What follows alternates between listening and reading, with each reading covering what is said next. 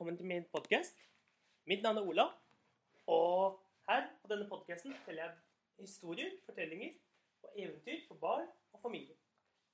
Og forrige uke da begynte vi å snakke om en av de største heltene fra den greske mytologien, nemlig om Akilles. Og vi husker fra forrige gang Akilles det var sønn av kongen Pelevs, kongen av, av uh, myrmadonerne. Og i tillegg så var moren gudinnen Tetis. Og uh, og Hercules, han Han uh, hadde jo blitt dyppet i elven Styx av Tetis for å bli udødelig. Mens moren holdt han i en hæl. Det eneste som ikke var dyppet i vannet i underverdenen, var hælen hans. Pelevs var fremdeles så sint på Tetis for at hun hadde prøvd å dyppe hele sønnen hans i elven i underverdenen. Elven hvor de døde svømmer. Elven hvor man må reise etter at man er dødd. Så han sendte Tetis av gårde.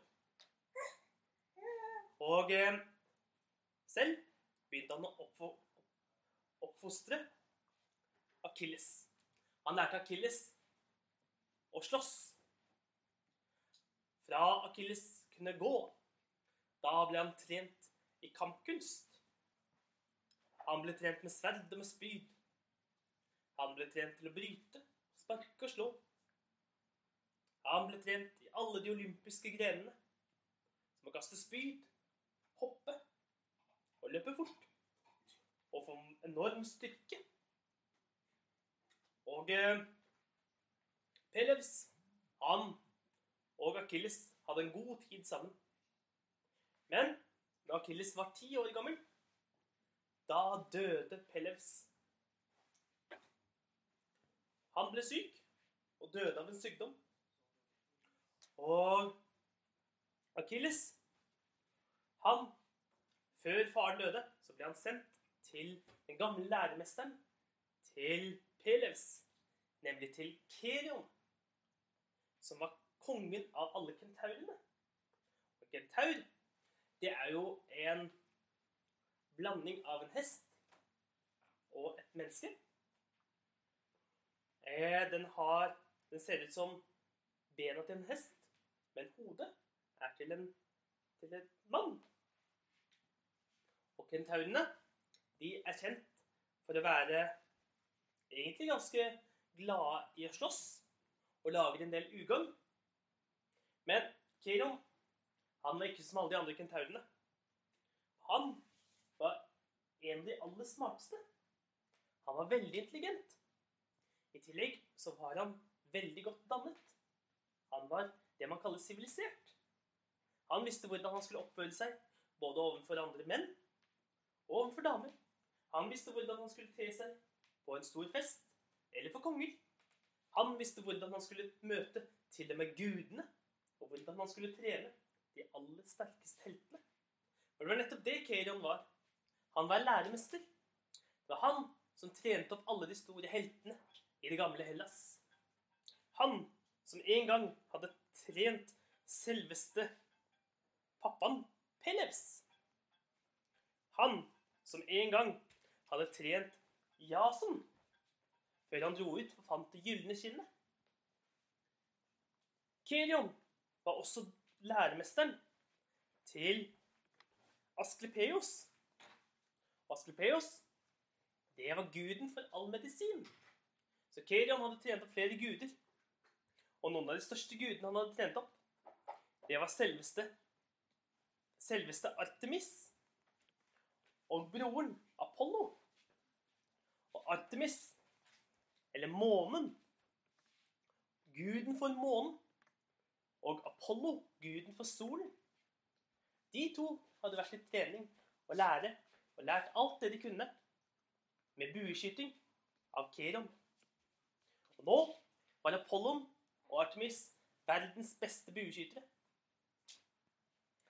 I tillegg så hadde han trent opp Perseus, Persefs, han dro en gang ut og drepte den store Medusa. Et slangemonster, en dame med slangehår, som kunne gjøre dem til stein. Men kanskje aller mest kjent er Kerion kjent for at han hadde trent opp den aller sterkeste av alle helter, nemlig Hercules selv. Hercules, som var sønn av torden og eh, tordenguden, av kongenes gud, av selv selv. Og Kerion, han hadde levd i mange, mange hundre år. Og han hadde trent opp alle de sterkeste heltene. Han hadde lært dem alt det de kunne om kamp. Og han hadde lært dem alt det de kunne om filosofi. Han var en sann legende. Og nå, nå på sine siste dager, tok Pelevs med sin sønn Akilles med til hulen til Kerion. For de to kjente hverandre veldig godt. For en gang for lenge siden så hadde Kerion reddet reddet Pelevs. Og de to hadde blitt veldig gode venner. Og nå tok han han med til hulen til, eh, til Kerion, hvor han skulle begynne å trene. Og der fikk han med seg en annen elev som het Patroklos, som var sønn av eh, Menoitos. Og de to, eh, Akilles og, og Patroklos, de to skulle bli både bestevenner, men også skulle de skulle det blir den første personen som Akilles noen gang ble forelsket i. Og også den siste. De to, de to som smågutter begynte sin trening hos Kerion. Og Kerion lærte dem alt han kunne. Han lærte dem å slåss, både med høyre og med venstre hånd. Han lærte dem å slåss med sverd, med spyd og med bue. Han lærte dem å kunne lide hest han lærte dem til og med å stå på ryggen til Kerion mens han løp av gårde det forteste han kunne, mens de kjørte piler mot blinker. De lærte å knuse steiner med hendene og hoppe over store, store kløfter i fjellet. Og om vinteren da tok Kelian dem med ut i snøen, bare uten sko uten sko og uten skjorte. Ut i den kalde snøen. Og Patrokles, de måtte bli med Kirian. Ut i den store, ville skogen. Og det var midt på vinteren, så det var kald vind overalt. Vinden ulte, og snøen dalte. Så sa Kadian at nå måtte de vise at de var sterke. De måtte overleve vinternatten helt på egen hånd. Uten klær. Så Kerion viste dem fram til en hule. Og der satte han igjen Akilles og Patrokles. Selv gikk han tilbake igjen. Og guttene ble stående alene ute i snøstormen. Og snart så hørte de at, at det begynte å ule i nærheten, nede i skogen det var kjempeulvene som var på jakt. Og Patrokles og Akilles, de stilte seg rygg mot rygg med hvert sitt spyd i hånden. Og føttene ble helt blå av kulden. Snart kunne de se de svarte skyggene stige fram mellom trærne. Kjempestore ulver. Men Patrokles og Akilles, de husket på alt det de hadde lært om å bruke spydet.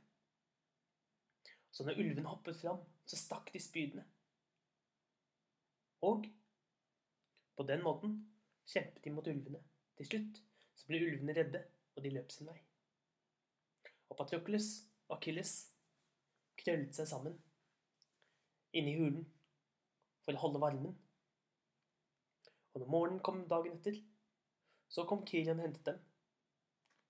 Og De hadde vist at de kunne vinne over vinternatten. En annen dag tok Kirian dem med til en stor foss, hvor de måtte stå og trene og svømme i det kalde vannet. Og stedet hvor de svømte, det var like ved et fossefall. Og under var det mange skarpe steiner. Men Patroklos og Akilles svømte og svømte og svømte. Og til slutt så hadde de kommet over på den andre siden av elven. Slik fortsatte Kirian å utfordre dem til stadig større utfordringer. Heltedåder. Noen dager så måtte de slåss mot villsvin, mot bjørner, mot tigre. Andre dager så skulle de slåss mot hverandre. Akilles mot Patriklus. Og hver gang så var det Akilles som vant. Han var den sterkeste. Og eh, Men noen av de vanskeligste dagene, det var når de måtte slåss mot Mot Når de skulle slåss på lag. Mot Kirion sammen. For Kirion hadde så mange hundre års erfaring, så han slo dem lett. Og hver gang så brukte han stokken sin og slo dem enten i hodet, i ryggen eller på bena. Så de fikk store blåmerker. Slik fortsatte det, dag etter dag, helt til de var 16. Og de satt, satte seg ned ved middagsbordet, ferdig for dagen. Med ett så hørte de et voldsomt rop. Og de snudde seg, og der borte, borte ved inngangen, borte ved den ene søylen, der kom det en helt. En ekte helt. For eh, Akilles, han hadde sett flere helter før. Flere av vennene til faren hans fra Argo. Argonautene, de som hadde vært med å redde den gylne flis, de hadde kommet og hilst på flere ganger. Og de var i sannhet helter. Men de var ingenting i forhold til den helten som sto ved stolpen nå. Ingen av dem var så sterk som han som sto der, med et stort løveskinn over ryggen. Og i beltet hadde han et pilkogger med piler, giftige piler. Han hadde mange store arm på kroppen sin, og musklene hans var så store som tømmerstokker. For i døråpningen, der sto yndlingseleven til Kirion, nemlig Herkules selv. Herkules hadde fullført elleve av de store underverkene sine. Men, som han visste, han måtte fullføre tolv stykker for å få lov til å bli en gud av Olympus. Av gudenes fjell, gudenes palass. For det, da måtte han kunne beseire én oppgave til. Og nå kom Herkules til sin gamle læremester Kirion for å lære og rådestå hvordan han skulle klare den siste oppgaven. Og han satte seg ned ved bordet og spiste. Han hadde litt av en appetitt. Han spiste store biter. Og siden fortalte han om bragdene sine, og hvordan han hadde slått, hvordan han hadde slåss mot den uovervinnelige løven den nemianske løven. Det var den sitt kinn han hadde på ryggen. Og han fortalte om hvordan han hadde slåss mot Hydra. Hvordan hodene hadde vokst ut. For hver gang han kappet av et hode, så vokste det to nye. Og hvordan giften var så giftig at bare en eneste dråpe ville være nok til å ta livet av en elefant. Hercules fortalte om hvordan han hadde møkket i alle stallene. De tusen hestene til den ene kongen. Og han fortalte om alle de andre store underverkene sine. Og Akilles og Patrokles satt målløse og lyttet til den store helten sin. For det var det han var i sannhet. En skikkelig helt.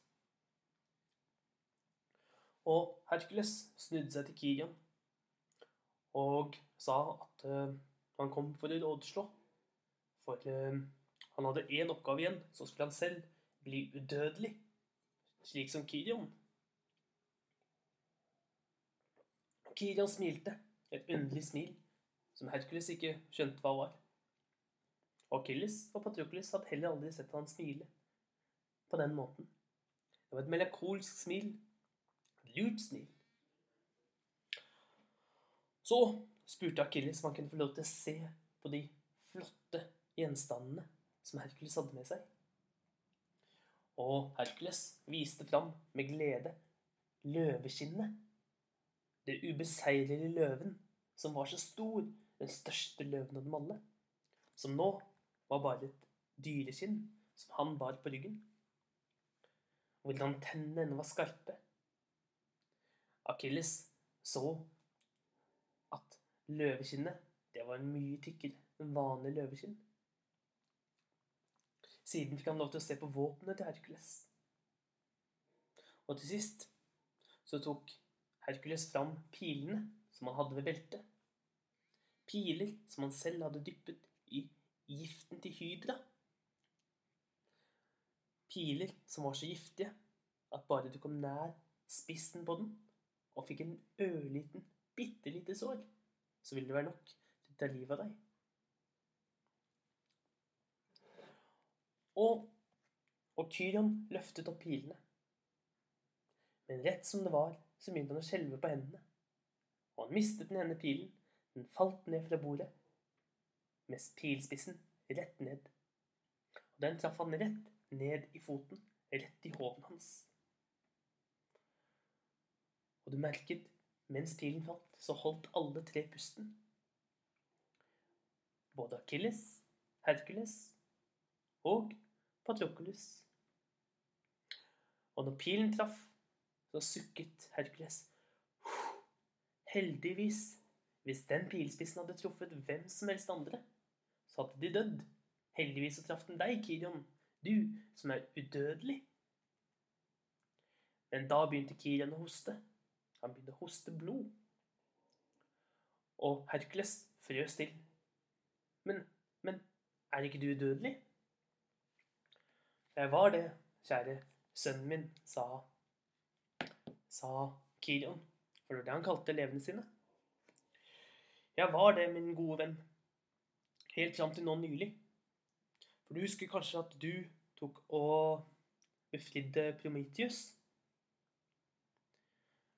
Hvem er Prometheus? spurte Akilles. Prometheus, det var en mann, eller en titan, som var veldig glad i menneskene. Han sørget for en gang å stjele ilden fra gudene og ga den til menneskene, sa Kirian. Men det ble Sevs, gudenes konge, så sint for at han tok og ga Prometheus en straff. Hvor han ble festet på toppen et, bundet fast på toppen av et fjell. Og hver natt så kom en ravn og hakket i ham. Og det var en utrolig enorm smerte. Og hver dag så måtte Prometheus leve gjennom den samme smerten. Men for ikke så lenge siden så var Hercules oppe og reddet Prometheus. Stemmer ikke det, Hercules? Jo, det stemmer det, sa Hercules. Og da skulle han vært fri. Nei, for Sevs var ennå sint. Selv etter tusen år så var Sevs rasende på Prometheus. Så selv om det befridde han, så var det ennå en straff som måtte betales. Han skyldte ennå evigheten til Sevs. Men jeg er en god venn av Prometheus, sa Kirion. Jeg har kjent han lenge. Så jeg byttet med glede bort min egen udødelighet for at Prometheus skulle få lov til å slippe fri. Så Prometheus er nå en fri mann og jeg er dødelig. Og de tre elevene til Kirion så med skrekk på hvordan, hvordan Kirion begynte å skjelve, hvordan kroppen hans begynte å bli eldre, og hvordan giften sakte spredde seg rundt i kroppen hans. For hydragift er nemlig sånn at den, slik som eieren, den blir flere, det blir mer. Giften sprer seg til slutt utover hele kroppen. Og til slutt så vil du dø. Men eh, Akilles han var ikke sen. Han fikk med seg Patroklos, og de løp av gårde. Og snart hadde de samlet med seg flere urter. Mens Hercules sto helt frosset som stein, som om han var gjort av stein. Akilles og Patroklos kom tilbake og fant fram en stor morter og begynte å knuse urtene og lagde en medisin. For de hadde nemlig lært av Kirion legekunstens kunst. Han hadde tross alt lært, Det var tross alt Kirion som hadde lært opp Asklepeos, medisinens gud. Det var ingen som kunne mer medisin enn Asklepeos, forutenom da kanskje Kirion. Og han hadde lært noe av dette til Akilles og Patrokles, og de lagde snart en medisin som kunne stoppe hydragiften fra å spre seg videre. Men de kunne aldri hindre giften helt, men de kunne gjøre at Kirion kunne få leve i ni dager. Og i de ni dagene så så de at Kirion sakte ble eldre og svakere. Og underveis så fortalte Kirion de mest utrolige historier. For han hadde tross alt levd et liv i flere tusen år.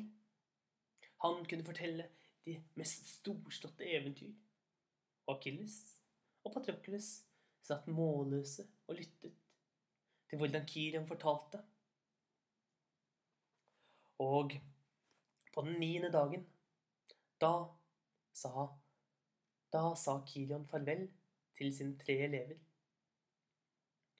Og de lagde en stor begravelse for han.